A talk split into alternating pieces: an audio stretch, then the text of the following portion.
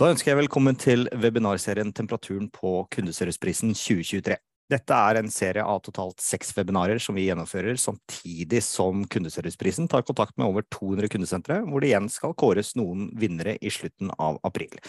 Og I denne serien er det lagt opp til at vi bryter opp prestasjonsområdene i hvert eneste webinar, og deler samtidig innsikt til hva som er bra, og hva som kan bli bedre ut ifra de resultatene som har kommet fram i undersøkelsen så langt. Og I dag så avholder vi del tre i denne serien, og det skal handle om hvordan tar dere meg imot, og hvorfor. Og Som alltid så har jeg med meg Jan Sarre fra CEO og Kundeserviceprisen, så da er det vel på sin plass å si velkommen til deg også, Jan Sarre. Tusen takk. Dagens tema det handler jo om egentlig mottak og velkomst, og er vel egentlig det første prestasjonsområdet hvor kundebehandleren har en påvirkning på resultatet i det vi holder på med her, eller det dere holder på med? ja, det er jo sånn at eh, svar og ventetid, som jo er ganske sånn et sånn diskusjonstema hvert år da, i kundeserviceprisen, det handler jo veldig mye om planlegging og bemanning og uh, ting som skjer i verden i forhold til hvor mye trygt det blir og sånn. Eh, og der er det jo litt som vi har vært inne på før, at eh, kundebehandlerne de skal komme på jobb når de skal. Følge de skiftplanene de har og osv. Og så skal de jo forhåpentligvis da gjøre, gjøre en eh, god jobb. Um, og som du sier, når vi får svar, så er det jo disse prestasjonsområdene da som går på kundebehandleren. Og um, mottak og velkomst, det er jo det aller første. Uh, og det er jo sånn, en sånn saying uh, om at um, You never get a second chance to make a first impression. Og Det er jo en av grunnene til at mottak av velkomst er viktig. da, fordi vi er veldig veldig raske til å gjøre oss opp et førsteinntrykk. Når vi møter folk på gata, eller når vi går inn i en butikk, eller når vi er hjemme på middag hos noen og møter noen vi ikke har møtt før, så er vi veldig veldig raske til å gjøre oss opp et førsteinntrykk. Og det førsteinntrykket kan jo selvfølgelig stemme, men det kan også hende at det er feil. Eh, og da er det jo i hvert fall i kundesenter og kundeservice, da, tror jeg, veldig viktig å være klar over eh, hva effekten av den velkomsten vi har, hva den faktisk er. Og, eh, og Derfor så har vi jo kalt dagens episode for 'Hvordan tar dere meg imot, og hvorfor?' Og Vi vet jo egentlig ikke hvorfor disse kundesentrene som vi måler, disse 200, hvorfor de gjør som de gjør. Eh, det vi kan si noe om, er jo hvilken opplevelse gir det? Og det som er helt sikkert, er at den er ganske blanda. Og det skal vi se nærmere på, men eh, aller først litt reklame. 13.1 så har vi breaking news. Da kommer vi med en eh, stor nyhet om kundeserviceprisen. Den blir publisert på LinkedIn, så det er viktig å følge oss der. Og den blir publisert på hjemmesiden og sendt ut på nyhetsbrev. For eh, det her tror vi virkelig skal gjøre mye. Både for eh, undersøkelsen som sådan, men også for de deltakerne som er der. Så vi gleder oss helt vilt til å slippe den nyheten. Skal du dele litt om hva det er? Nei. da må de vente.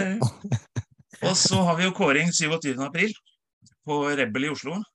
Um, det kommer til å være litt som i fjor, at vi starter klokka tolv.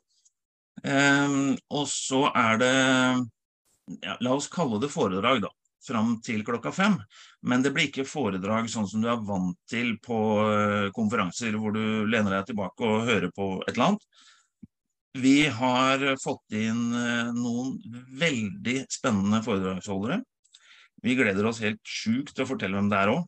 Uh, og de skal ta med deltakerne på kåringen på en reise. De skal holde foredrag og sånn, og så skal vi ha workshops, vi skal ha diskusjoner. Du skal kunne gå derfra med noe helt konkret i hånda som du kan bruke når du kommer hjem. Det er målet med de timene. Og så blir det jo selvfølgelig sånn som sist også, store muligheter for mingling. Eh, og så blir det bobler fra fem til seks, og fra seks så skal vi kåre en masse vinnere. Sammen med litt underholdning og litt forskjellig. Alt sammen på Rebel. Eh, billettene er lagt ut for salg nå, og det er eh, rabatt på billettene fram til 12. januar. Etter det så blir verdien av kundeserviceprisen enda større, og da er det full pris. Og så kan man, hvis man er flere enn tre, også få rabatt. Da må man bare ta kontakt med oss. Så det vil da si at overraskelsen 13.1, den drar prisen opp? den drar prisen på billetten opp, og verdien på kundeserviceprisen opp. Ja. Så det blir spennende. Men eh, sist gang så snakket vi om dette her med ventetid. Og da snakket vi om disse rammene som vi har i vår undersøkelse, og som jo ikke er noe fasit uh, som sådan, men som er det som vi har brukt i, i, alle år. Og på telefon så er det jo sånn at vi venter i fem minutter, og så hvis vi ikke får svar, så legger vi på, og så prøver vi igjen en annen dag og venter i fem minutter til for å få svar. Uh, og der er det jo Kundeserviceavisen som har gjort noen sånn lunsjundersøkelse, hvor de har uh, eh, testa å ringe kundesenteret i lunsjen og vente i fem minutter, og der er det jo ikke mange som lykkes med å svare. Um, og det syns jeg jo er litt fascinerende, fordi sånn som deg og meg, Eivind, det, vi, vi, kan jo liksom ringe et kundesenter når vi har tid i løpet av hele dagen. Men veldig mange har jo en jobb hvor de egentlig ikke kan gjøre det, bortsett fra i en pause eller i lunsjen. Mm. Og da er det jo, syns jeg, litt rart at det er noen som har stengt i lunsjen av disse kundesentrene.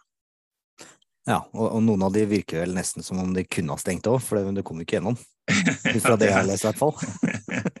det er jo en annen ting. Eh, men, men, det er jo eh, igjen da, det er jo en strategi som folk må jo velge den de vil. Men, men jeg syns jo det er litt underlig, eh, spesielt med tanke på hvor viktig dette her med å få svar hos kundesenteret er.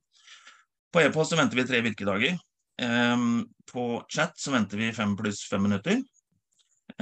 Og på Messenger så venter vi 30 minutter, prøver igjen en annen dag, venter i 30 minutter.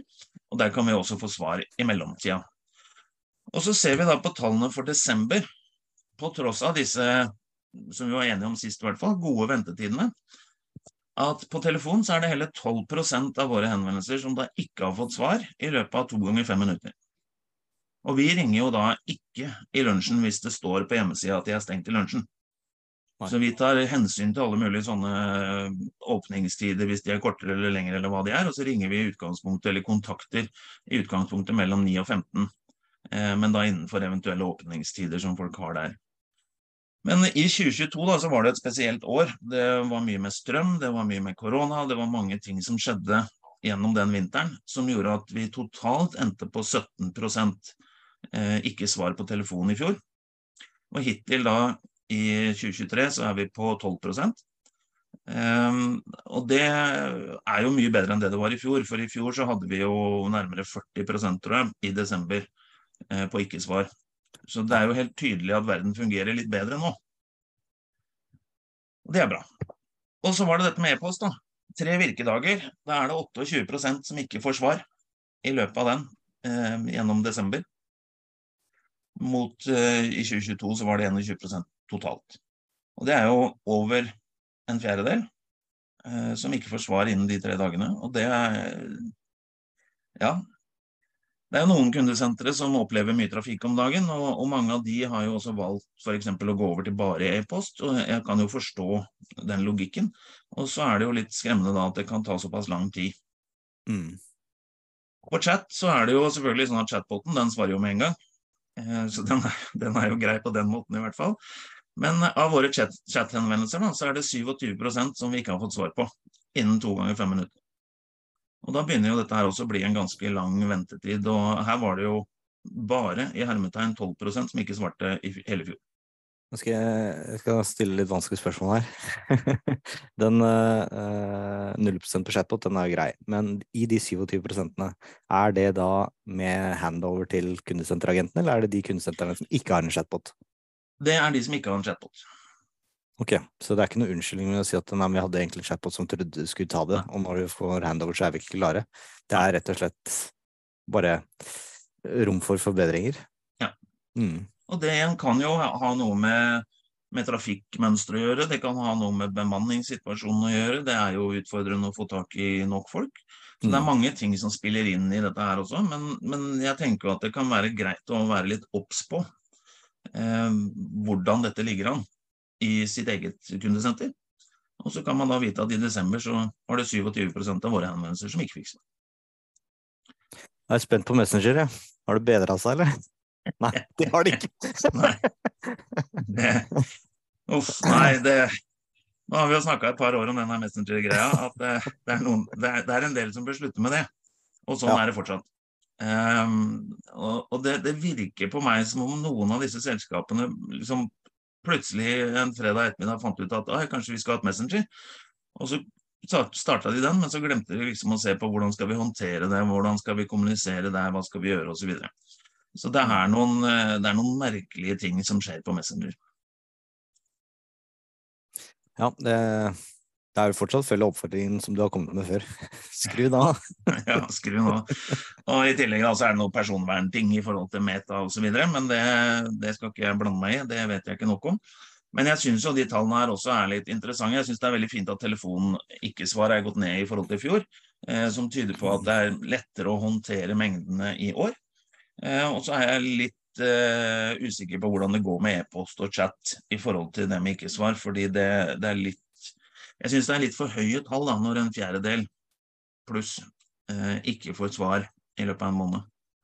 Ja, eh, det blir veldig spekulativt fra min side, da, men jeg tenker at kanskje en del av de mindre kundesentrene som ikke har telefon, de sliter faktisk med bemanningen. altså Dette her med laveste arbeidsledighet siden 2008 osv. Det begynner kanskje å slå inn for fullt. da. Ja, og så har det jo vært noe korona og noe influensa og noe alt mulig eh, ting de siste ukene og månedene. Så mm. det er klart alle sånne ting spiller inn. Og jo færre mennesker du har tilgjengelig, jo verre blir konsekvensene, da. Hvis én ja, av fire er syke, så er det verre enn hvis to av hundre er syke, liksom. Ja. Så det er mange, mange, ting som spiller inn, og det her er jo ikke en fasit, det er jo våre opplevelser. Og, og hvis noen lurte på det, da, så har vi selvfølgelig ikke kontakta deltakerne i romjula. Så vi slutta i, i tide før jul, og så tok vi juleferie. Så um, eventuelle problemer med bemanning der skal ikke påvirke de tallene her, i hvert fall. Men nå er juleferien over, ikke sant? Nå er juleferien over. Vi er i full gang. Vi eh, trapper opp aktiviteten utover januar. Det blir mer og mer eh, henvendelser. Og da er det jo litt eh, interessant da, å finne ut liksom, var det enkelt å komme i kontakt med riktig kundebehandler. Og det er jo en av de tingene som vi opplever støtt og stadig. Da. Dette her handler jo mye om det praktiske. Var det, sånn, det er noen som har noen sånne i værer som du må taste i to minutter for å komme deg gjennom. Det er fryktelig mange valg. Og så har du helt i andre enden så har du noen som ikke har tastevalg i det hele tatt, hvor du går rett igjennom. Og jeg tenker at På innsida av dette her da, så er det jo eh, det er jo noe som heter skill-based routing. og sånn, at man, Når man har masse tastevalg, så kan man få det til spesialister på de forskjellige temaene osv. Men det kan jo også hende at jeg på utsiden da, som kunde egentlig ikke vet hva det er jeg lurer på. Mm. Eh, for det kan jo være detaljer rundt dette her som jeg ikke vet, og det, det er en av grunnene til at jeg kontakter kundesenteret. Eh, og da kan man jo også tenke litt på det der, hvor enkelt er det egentlig, hvis man ikke vet. Hvis man eh, er en gammel tante eller en gammel onkel, eller man er ung for den saks skyld og ikke har all mulig kunnskap som eldre har, hvor enkelt er det egentlig å komme gjennom? Og det som er litt gledelig i år, da, er at uh, i år, så hittil, så er det 95% som sier at ja, det var enkelt å komme i kontakt. Mm. Det betyr jo at 5 da har sagt at nei, det var det ikke. Eh, og det er jo 5 for mye, det selvfølgelig, men, men det er allikevel et veldig hyggelig tall, da. Ja, og jeg, det, nå husker ikke jeg akkurat tall, sånn internasjonale undersøkelser og sånn, men, men uh, den mener jeg å være ganske mye lavere eh, internasjonalt. Så det tyder på at vi er bedre i Norge eh, på å veilede kunden til rett sted med en gang, istedenfor ja. alle disse her som må hoppe videre fordi man ikke klarer å hjelpe deg i første, første linje. Mm. Ja, og hvor kronglete er det å komme inn? Sånn, noen ganger mm. så kan du jo hvis du sammenligner med en butikk, da, så må du liksom gjennom en sånn labyrint for å komme inn i butikken. Ja. Det er jo visse muligheter for at du prøver en annen butikk da, hvis de andre ikke har det. Korrekt. Så dette her påvirker jo kundeopplevelsen, selvfølgelig, det også. Mm. Uh, og så har du jo, liksom, På telefon så er det noen som har uh, tast 1 og 2 og sånn, og så er det noen som har talerobot, og det er jo også to forskjellige ting. Uh, på, på chat så er det jo også noen ganger du må velge forskjellige temaer. På e-post passer disse temaene du kan velge i kontaktskjema f.eks. Passer det med alt mulig? Så Det er mange mm. sånne ting da, som spiller inn i dette her, men mye av det er skal kalle det fysisk. Det er eh, valg som man har gjort, da, eh, gjerne teknisk, som bidrar til om det er enkelt eller ikke fullt så enkelt. Og så når vi da får dette svaret, så har vi ifølge forskning 0,07 sekunder på å gi et førsteinntrykk. Så lykke til. Mm. Og da er det jo sånn da at hvis du er litt ufokusert, hvis du satt og prata med en kollega, eller du hadde sklidd litt ned i stolen, eller kanskje var på hjemmekontoret i den berømte sofaen med beina på bordet og sånn, så kan det hende at det påvirker f.eks. tonefallet ditt på telefonen. da. Og så på chat og e-post og sånne ting er vi eh, veldig si, rasjonelle og saklige, eller er vi mer personlige, kanskje til og med litt emosjonelle, og på en måte viser noe glede i forhold til at du tar kontakt osv. Og, og det er jo noe av det som det spørsmålet her eh, tar med seg, om vi opplever denne velkomsten som rutinepreget eller mekanisk, eller om den er personlig og hyggelig. Eh, og jeg tror jo i hvert fall at det er et av de områdene som det er veldig lett å jobbe med. Fordi dette her handler jo om den enkelte kundebehandleren. Mm. Og hvis vi bare tar telefon, da. Sitter du ordentlig? Smiler du? Er du påslått? Eller har du bare levert kroppen din eh, på jobb på morgenen og henter den igjen på ettermiddagen? Så er det ting som påvirker den der velkomsten. Og hvis du er engasjert i jobben din, i det du holder på med, i hvordan du gjør jobben din, og i de produktene, tjenestene, løsningene og hva det er du har, så er det også mye lettere å være personlig. Og der er det dessverre bare 73% som opplever at den velkomsten er personlig og hyggelig. Og hva er det, det, er, det er litt opp fra i fjor, da. Ja, og hva, hva, legger dere i personlig? At de liksom hilser på navn, eller? Ja, vi, vi skal ta en annen liten vri på det etterpå, men, men det som du kan si, da, hvis, jeg, hvis du ringer til meg da, og jeg sier hallo, Ok. så er jo ikke det, det er jo ikke det veldig personlig.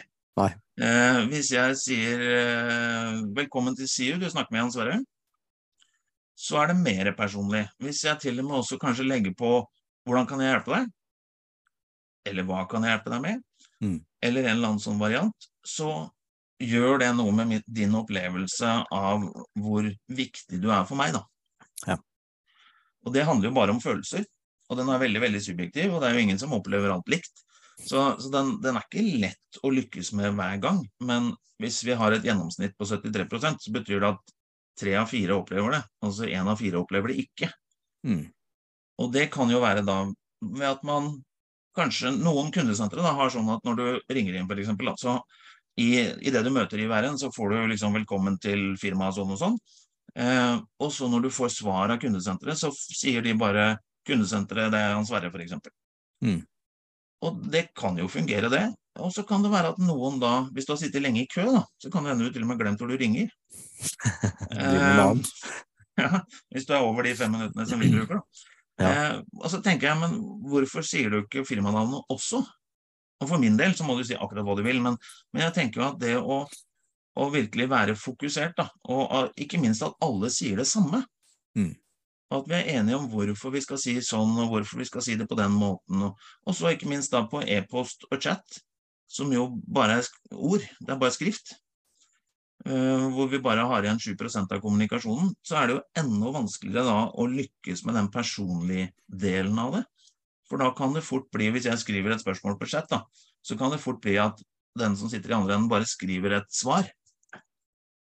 Istedenfor å gjøre sånn som vi ville gjort på telefon, med liksom velkommen og hei og navn og så videre, og hva kan jeg hjelpe deg med, så er det bare Det blir mye sånn simplere veldig lett. Og det mm. kan fungere veldig godt, det, for all del, men det blir jo ikke personlig. Nei. Og det er noe av de der tingene som jeg tror det kan være lurt å se på, spesielt fordi at vi som kunder vi sammenligner jo ikke med f.eks. konkurrenter nødvendigvis, vi sammenligner med det beste vi har vært borti. Så hvis jeg har Eh, sånn som i fjor, da, så var det Ice som vant uh, chat, hvis vi tar det som et eksempel. Og hvis jeg da akkurat har chatta med Ice om et mobilabonnement og fått en kjempegod opplevelse der, og så skal jeg chatte med et annet selskap, annen bransje etterpå, så får jeg en helt annen opplevelse, så vil jo det gjøre noe med inntrykket mitt, fordi forventningene mine var som de var etter den kontakten jeg har hatt. Mm. Det er noe av det som jeg tror folk også kan ha stor glede av, det å teste andre for så vidt deltakere i Kundeserviceprisen, men andre kundesentre. Og være litt sånn mystery shopper. Da. Og, og kontakte dem og, og selv Hvordan opplever jeg det de gjør? Fordi det handler jo ikke om hva det kundesenteret gjør, men det handler om hvem kunden er. Og så må vi tilpasse oss den enkelte kunden. Så det er jo noe av dette her. Det er selvfølgelig et veldig subjektivt uh, spørsmål. Uh, og så tror jeg det er noe av det som er jobben til kundebehandleren. Det å hele tida tilpasse seg den enkelte kunden til enhver tid. Uh, og det betyr jo også at noen ganger så blir det lange samtaler, noen ganger blir det korte, fordi kundene også er forskjellige. Mm. Med litt fortsettelsen på det vi var inne på her, da.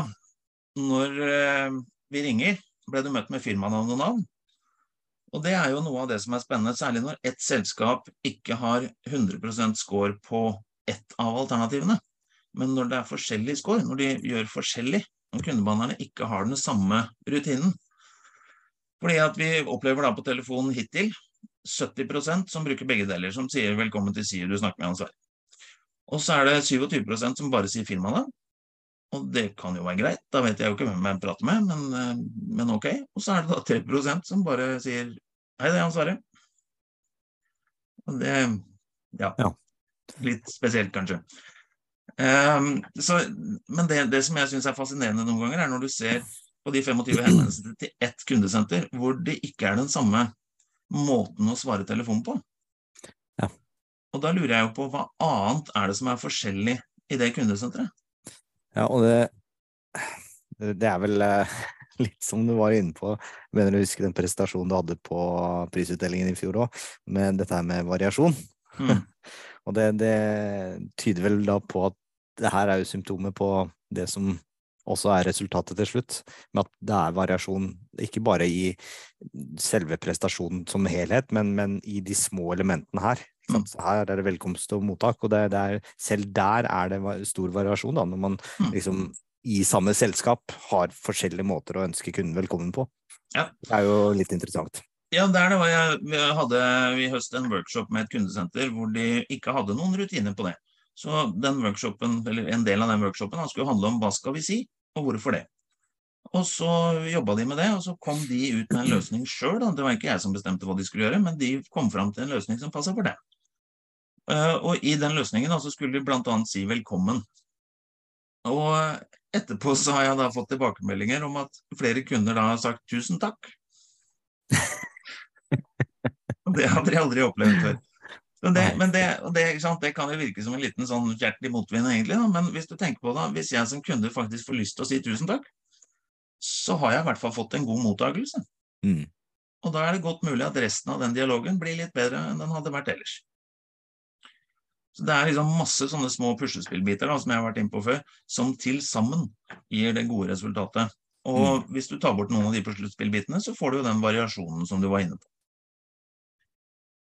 Og så i skriftlig dialog da, ble du møtt med kundebehandlerens navn. Og det er jo litt mer utfordrende på chat, f.eks. Altså står jo noen ganger navnet litt sånn oppi chatbobla, eller det er, liksom, det er masse varianter da, rundt dette her. Eller på e-post så er det kanskje sånn at vi har en e-postsignatur nederst i mailen. Og hvis du sender den mailen til en sånn som meg, da, som ikke nødvendigvis har tålmodighet til å lese hele den mailen, så kommer jeg jo aldri til navnet ditt. Og, og der hørte jeg jo i fjor, en, eller året før, jeg husker ikke helt, men han Eh, ene i Kantar, som har vært ansvarlig for KS-indeks, han eh, kom med en idé rundt dette her, da, som jeg syns var, sånn, var superbra, og jeg har aldri tenkt på den sjøl. Eh, og der sier han at jeg, hvis du sender en mail til meg, da, så svarer jeg til deg, og da sier jeg eh, Hei, Eivind, takk for at du tok kontakt med oss. Jeg heter Jan Sverre, og jeg skal hjelpe deg med den saken her. Mm. Jeg vet ikke om det er løsningen med stor L og to streker under, men det jeg tenker da er at da har i hvert fall du en person å forholde deg til. Og det gjør det litt mer personlig. Det gjør det litt sånn litt triveligere, da. På en eller annen måte. Det blir ikke så maskinelt og mekanisk. Mm. Og her er det da 81% som opplever at de får med et navn på chat og messenger og e-post, mens 19 da ikke får det. Og så er det jo det her med chat, f.eks. Så kan det hende at du bytter person å chatte med, eller på e-post at du bytter, bytter person som du får svar fra. Mm. Men det er jo også fint. Men så lenge jeg da vet hvem det er, så er det jo sånn sett greit. Tror du det gjør noe med mentaliteten til kundebehandleren med å presentere seg på e-post på måten du la det fram på her? Ja, men jeg med at de på en måte sier Du presenterer deg med navnet ditt først, du kommer ikke rett på løsningen, på en måte. Eh, hva tror du det kan gjøre med, med Det- det- Det ene det kan gjøre, er jo at det tar ned tempoet et hakk. Mm. Istedenfor at vi bare spytter ut en løsning, så får vi tid til å tenke oss om, og så får vi også muligheten til å eh, bygge en dialog, da. Og ikke bare sende et svar, for det er to ganske forskjellige ting. Mm. Eh, og hvis det er viktig for dette kundesenteret å ha en dialog, så tror jeg det kan være en god idé å ta ned tempoet et hakk, selv om vi er opptatt av at ting skal være effektivt. Eh, og så eh, jobbe da med når jeg har presentert meg og sagt hei til deg og sånn, så jeg, så er det kanskje sånn at det spørsmålet ditt var ikke, det var liksom ikke sånn krystallklart. Det var kanskje noe mer ting rundt, så jeg kan kanskje si at ja, ut fra det du spør, så kan det se sånn her ut. Og så kan jeg kanskje stille noen oppfølgingsspørsmål for å være sikker på at jeg faktisk har skjønt riktig, og for å engasjere deg og få deg til å tenke på de riktige tingene. Mm. Og på den Ja, måten så lager vi en dialog, da. Ja, jeg tenkte jo på dette med å dra ned tempoet litt, så da, har vi, da er vi enige om det. Mhm. Og særlig på, særlig på chat, da, hvor, hvor det er veldig fort gjort å bare sende dette svaret. Ja. Får et spørsmål, og så bang, så går et svar ut, så er jeg ferdig med det. Mm. det ser jo veldig effektivt ut, men og det er det jo, for det, det, du, det du skal svare, skal jo være riktig. Men så er det også hvordan pakker du det inn. Mm. Og hvis vi tar det over på telefon, da, hvis jeg ringer inn til deg, og så eh, spør jeg deg liksom om hvordan fungerer A, og så sier du fungerer sånn. Og så Mm. sier du ikke noe mer, så vil det bli en veldig rar samtale. Mm. Men det er det vi gjør ofte på chat. Helt riktig. Og det er noe av det der som, som jeg tror det kan være lurt å ha et øye på, og, og jobbe litt med, tenke litt på, diskutere litt hva, hvordan ønsker vi at kundene skal oppleve oss? Hva er det som er viktig for oss? Har vi noen verdier i bedriften som, hvis vi spør en kunde etter at de har vært i kontakt med oss på chat, om eh, hvor godt stemmer disse tre ordene med din opplevelse, så kan jo det være en måte å, å justere Hvis vi skal være eh, fremoverlente, f.eks., som jo ofte er en sånn verdi rundt omkring. Eh? Opplevde du den kundebehandleren som fremoverlent? Ja eller nei, liksom? Nei, Mm. det er jo kanskje ikke det jeg gjør hvis jeg bare får sendt et svar. Eh, Uten interesse, uten å liksom involvere seg i, i meg og mitt, min utfordring. Mm. Så ehm, Og så har vi jo et sånt eh, litt viktig spørsmål da, innenfor dette prestasjonsområdet. Det er jo en av de som jeg tenker er litt eh, avgjørende. Fordi sant, du kan ha en rutinepreget velkomst. Kan, det kan være litt utfordrende å få kontakt. Du kan ha lang ventetid. Sant, alle disse tingene kan være ikke optimale. Da. Men allikevel så ser jeg jo i mange besvarelser at folk krysser av for at de følte seg velkommen allikevel. Så du trenger ikke skåre 100 liksom, på alle disse tingene her for at du skal sikre at de er velkommen. Men det er jo igjen da variasjoner hos disse kundene. Men det er mulig å få toppscore på om du følte deg velkommen når du ble mottatt som du ble, uten å ha toppscore på alle de andre spørsmålene i mottak og velkomst. Og her er det da 16% som syns at de ikke følte seg velkommen. Mm. Og nå er jo ikke vi disse her eh, sure, vanskelige kundene som man ofte snakker om, da, som eh, klager eller kjefter eller et eller annet sånt. Vi er jo de blide, hyggelige som lurer på om vi kanskje kan få lov å bli kunder. Ja. Og da er det jo litt skremmende at hele 16% av nye potensielle kunder gjennom desember ikke følte seg velkommen. Ja, Og det er jo, som du skriver under her, av de 5000 henvendelsene, er ikke det som dere gjennomfører totalt? Ja. Ja. Så vil det tilsi 800 kunder? Og hvis Det er du da litt det, altså. Ja, hvis du tar det over til et sånt, hva skal vi kalle det, litt sånn mellomstort norsk kundesenter, kanskje opp mot stort, så har de kanskje 10 000 henvendelser i måneden. Mm. Da har de 1600 mennesker i måneden som ikke opplever å føle seg velkommen. Mm. Det blir et sted mellom 19 og 20 000 i året, det. 19.200 det. Ja. Og da, da begynner vi å snakke mye folk, da. Ja. Og det er derfor dette her er viktig. Ja, det er jo Ja, for det er jo potensielt nye kunder òg, ikke sant. Ja, ja. Eh, og så er det alle de som er sure i tillegg, da, som kommer på toppen. Mm. Som aldri føler seg velkommen i tillegg, men eh, det er, eh, det er ikke det er, det er rom for forbedringer. Og hvis, hvis, du deg, hvis, du er en, hvis du er en kunde da, som kanskje ikke er sint, og sånn, men du er kanskje litt fortvila, frustrert, eller lurer litt på sånn nå om dagen da, når alle priser går opp og, og alt sånn, om hvordan skal jeg få dette her til å fungere og sånn. Så du er, du er liksom ikke i din optimale mentale tilstand når du kontakter kundesenteret. Nei. Da er det jo enda viktigere da, at det der, den velkomsten du får, gjør at du kan slappe av, at du kjenner at å, her er det en som vil hjelpe meg, og at jeg føler meg velkommen. Da, blir det enda viktigere. Mm. Eller hvis en kunde har noen utfordringer eller sånn, lurer på kanskje bytte leverandør av et eller annet, da, så er det jo større sjanse for at du bytter leverandør da, hvis du ikke føler deg velkommen, enn hvis du føler deg velkommen. Ja, og jeg synes også Vi, vi har jo prata litt om dette her eh, tidligere, i hvert fall du og jeg, eh, i forhold til eh,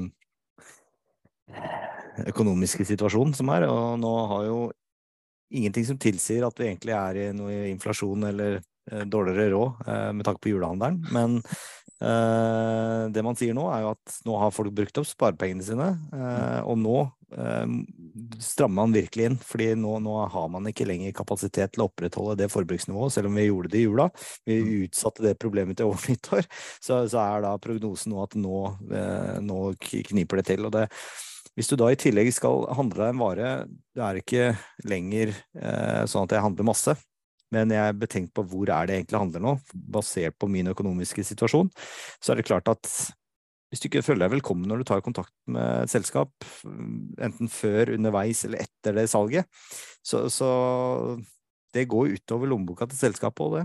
For da velger jeg meg et annet selskap som gir bedre service enn det jeg opplever fra de som ikke tar meg imot. da. Ja, og det, Hvis du sammenligner litt med å gå på et kjøpesenter og gå inn i en butikk hvor det er litt sånn eh, labyrint for å komme inn, og så når du kommer inn, så er det ingen som gidder å prate med deg, og eh, du får ikke noe hjelp, og det, de hilser ikke på deg, de er ikke blide og alt sånn. Eller en annen butikk hvor det er enkelt å komme inn, og hvor de tar deg imot med et smil og hjelper deg og kommer med gode forslag, og sånn at du får liksom større verdi. da. Det kan hende klærne for eksempel, du kjøper, det er jo akkurat samme, men du får en opplevd større verdi av den buksa. da fordi at de er flinkere til å eh, være personlige med deg. Ja, og det er, det er jo prinsippet kun det offentlige som er i en monopolsituasjon i forhold til kunder som, eh, som, som må ha tak i de. Eh, Ja. Det er ikke en monopolsituasjon i forhold til omdømmet, selvfølgelig, men, men akkurat i forhold til kunder, så, så er det det. Så Mm. for alle andre så, så er det jo en, en commodity, som det heter på godt norsk, Ja. eh, det man selger. Så det, er, eh, det her er viktig, altså. Ja, og det her er jo litt, den, det spørsmålet her da, det oppsummerer jo litt sånn hele denne mottak og velkomst. Fordi sant, på grunn av eller på tross av de opplevelsene jeg har hatt i den mottak og velkomsten, og eventuelt ventetid, følte jeg meg velkommen. Mm. Og som jeg sa i sted, det kan du godt si ja på selv om ikke alt annet har vært på stell. Mm. Og, så det er jo en sånn personlig opplevelse, det òg, da. Så hvis vi oppsummerer dette her, da, så har vi en score på 95 på enkelt å komme i kontakt. Personlig har en score på 73. Navn og firmanavn på 70. Navn i skriftlig dialog på 81. Og en score på 84 på om vi følte oss velkommen.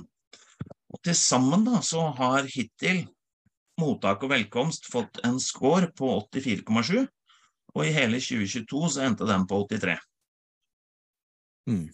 Og det er jo også noe av det som er litt sånn spennende, da, som er det jeg sier at det er ikke noe fasit. Hvis du gjør alle de tingene riktig, så vil alt det funke osv. Fordi det her handler om den personliggjøringen da, av hver enkelt kundebehandler som møter en kunde. Det er en tilfeldig kunde og en tilfeldig kundebehandler.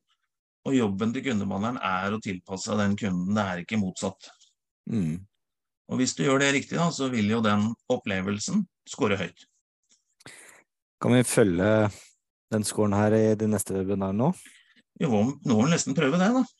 Sånn at du ser en litt sånn viss progresjon, håper jeg, Ja. oppover. Ja, vi får Opp, håpe. opp. Det, det, det eneste som skal til her, er jo fokus egentlig fra kundebehandlerne, for det er ikke rocket science dette her, men det krever jo mye, og det er jo derfor jeg tror at det å være kundebehandler er Norges tøffeste jobb. Da. Det er jo fordi det er et enormt fokus en hel dag med veldig, veldig mange kundekontakter. Et sted mellom 50 og 150, da, avhengig av hvem de er. Mm. Og det gjør jo noe med deg som person. Da. Det er tøft. De trenger oppfølging, de trenger støtte, de trenger litt moro. De trenger liksom å glede seg til å komme på jobb og oppleve at de mestrer det. Det er mange sånne ting som gjør at det er lettere å lykkes da med disse tingene i mottak og velkomst. Mm. Og så har jo vi eh, i Kundeserviceprisen da tre kommentarfelt eh, i hver besvarelse. Ett for mottak og velkomst, ett for kundebehandleren, ett for totalinntrykk. hvor våre observatører da beskriver noe mer rundt den opplevelsen de hadde. Så jeg har vært inne og kikka på noen av disse kommentarene, og den her syns jeg er litt sånn hyggelig, da. Det er en av våre folk som skriver at et godt førsteinntrykk av kundebehandleren som presenterte seg med både firmanavn og eget navn, med en meget blid stemme og et hyggelig tonefall. Der er det vært en som har vært påskrudd og klar. Følte at jeg ble varmt tatt imot på en hyggelig måte av kundebehandleren som hadde en smittsom effekt med sitt gode humør. Mm. Kan noen gi den kundebehandleren en bonus? Og et klapp på skuldra. For det her er jo jobben. Det her er jo det de skal levere. Mm. Og så fant jeg en annen som også sier litt om hvor eh, personlig denne opplevelsen er. Da. At det ikke er en fasit som er sånn eller sånn, men dette her er personlige opplevelser. For her er en annen som skriver at kundebehandleren presenterte seg med både firmanavn og eget navn. Jeg fikk følelsen av at kundebehandleren hadde fått i seg en god dose med koffein på en positiv måte. Og Det gir i hvert fall meg inntrykk av at dette er en veldig ivrig og engasjert kundebehandler. da. Så Kundebehandleren var både blid og hyggelig, og snakket på en ganske entusiastisk og ekstra småhyper måte som fikk meg til å trekke på smilebåndet. En veldig god velkomst. Og det, det sier jo litt om hvordan den entusiasmen og engasjementet påvirker kundene.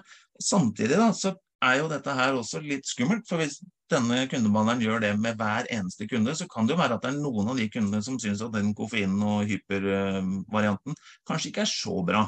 Og litt slitsomt. Ja, noen kan synes det. Så det er det der å hele tida tilpasse da, og finne måter å justere seg i forhold til den enkelte kunden. Men i det tilfellet her så fungerte det jo fantastisk godt. Mm.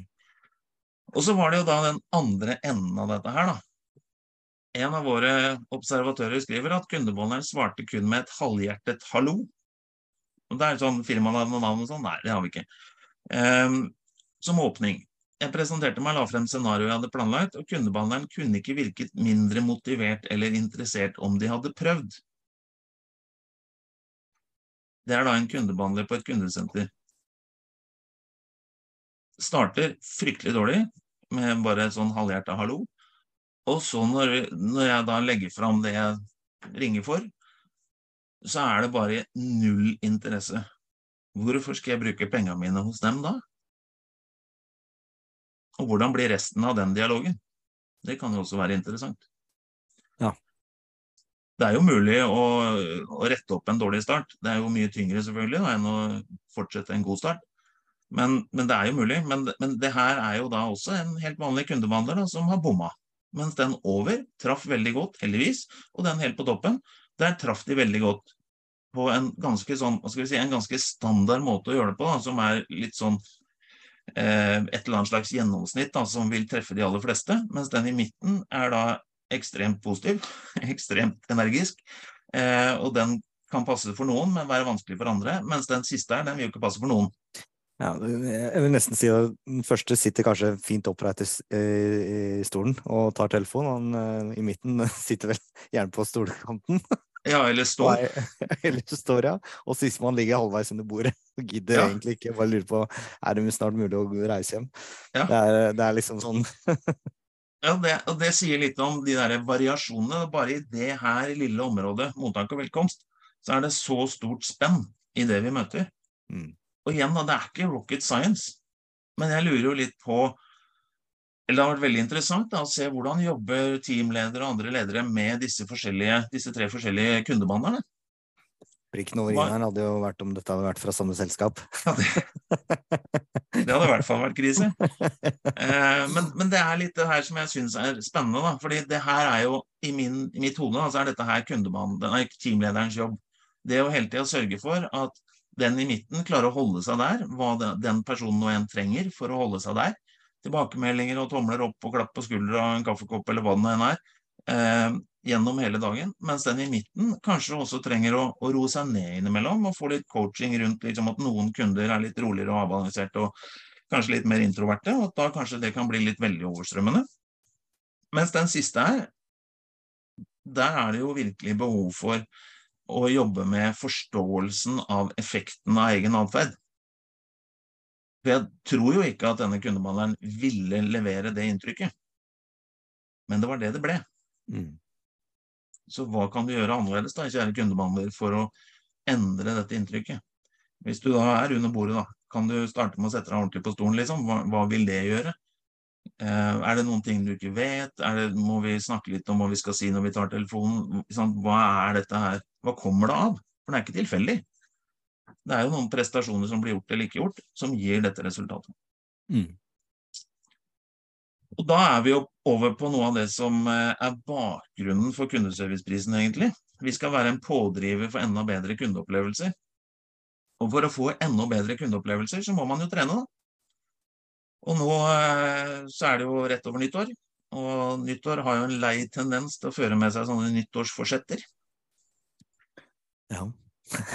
og der er det jo sånn, selvfølgelig er det jo sånn at alle vet at eh, eh nyttårsforsetter er noe du sier eh, 31. eller 1., og så glemmer du det så fort som mulig. Men hvis vi nå tenker at vi skal gjøre det litt annerledes i år, da, hva kan vi gjøre i 2023 som hvis vi jobber på et kundesenter som kundebehandler, eller som eh, teamleder, eller som leder for kundesenteret, eller hva det nå er, hvordan kan vi gjøre ting annerledes i 2023? Og noe av det det går an å jobbe med, er å forsøke å forstå hvordan kan vi høres mer personlig ut på telefon? Hvordan påvirker tonefall f.eks. den opplevelsen? Eh, det å, ha, å, å, prate litt i tonefall, kan det ha noe å si? Eh, kan det gjøre noe med den opplevelsen? Blir den mer livlig? Eller hvis vi prater helt sånn flatt hele tida og ikke har noe utsving noen vei, kan det også kanskje bli litt kjedelig? Men hva er, det, hva, er det, som gjør dette her? Hvordan kan den enkelte kundebehandler Eh, forstå hvordan de kan utvikle dette her sjøl og med hjelp av andre. Og samme da på skriftlige kanaler. Hvordan er den måten vi gjør det på i dag? Og hva, hvordan kan vi endre den? Hva kan vi justere på for å eh, kanskje gjøre det mer personlig, da, sånn på e-post? Jeg vet ikke om det er fasiten, men eh, Hei, Eivind, takk for at du kontakta oss. Jeg heter Jan Sverre og skal hjelpe deg i dag.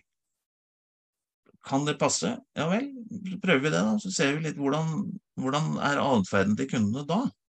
Mm. Det kan hende den endrer seg. Og så det å se litt på, sånn som det jeg nevnte eksempelet, da, med det selskapet som ikke hadde noen rutine på dette, her, hva man skulle si når man tok telefonen f.eks. Har dere rutine på det? Og er det sånn at alle følger det? Er det sånn at alle forstår det, vet det, har lært det? Og, og hvis dere har det, er det de riktige? Hva vil effekten være å endre de?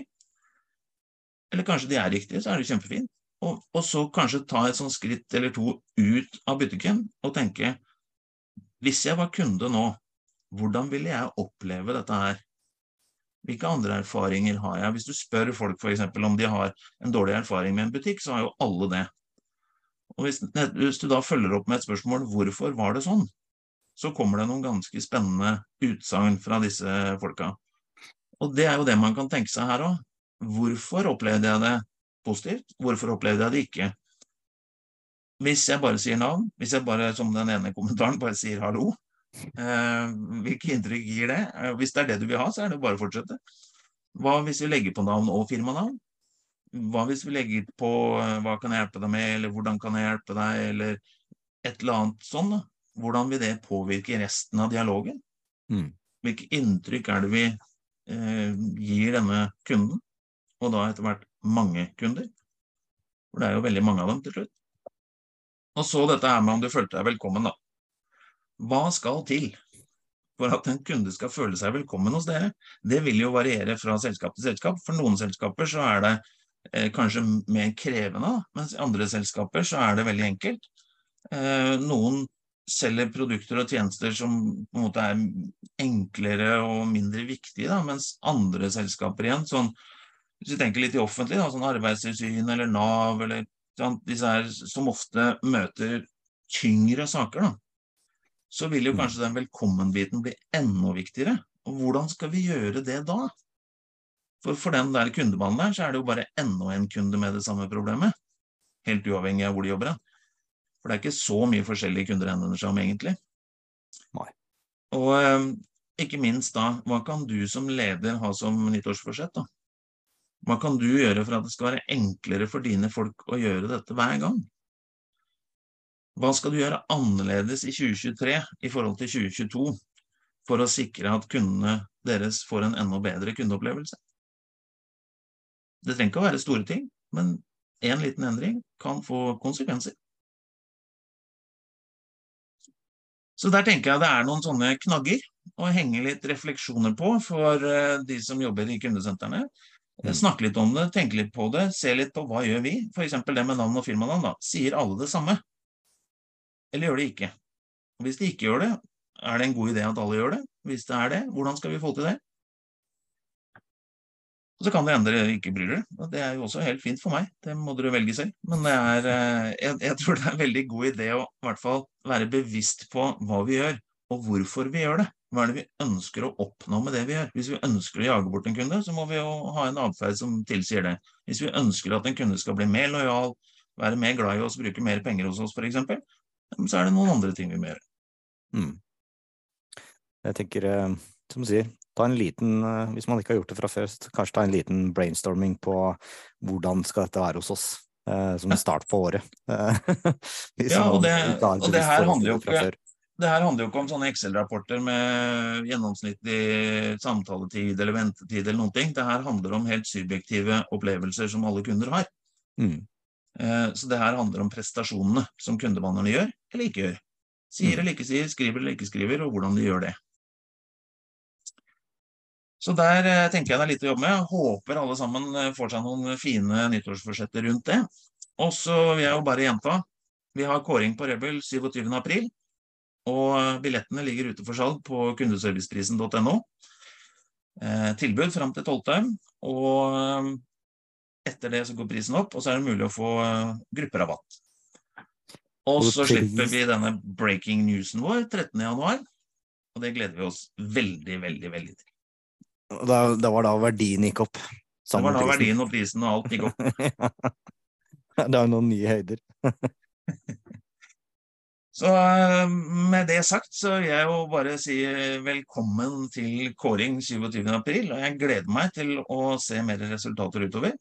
Eh, jeg er veldig spent på hvordan det utvikler seg. Det er andre rammebetingelser i år. Det er ikke så mye korona, det er mer snø, men eh, det er også høye priser. Og som du sa, sparepenger er brukt opp. Det er mange ting som kan endre seg framover nå.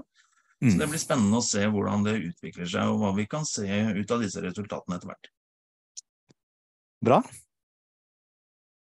Det var avslutningen? Det var avslutningen. Så bra. Da er det vel bare å ønske en eh, riktig fin dag videre, så ses vi igjen om en liten måned. Ja. Flott. Det gjør vi. Ha det godt. Ha det godt.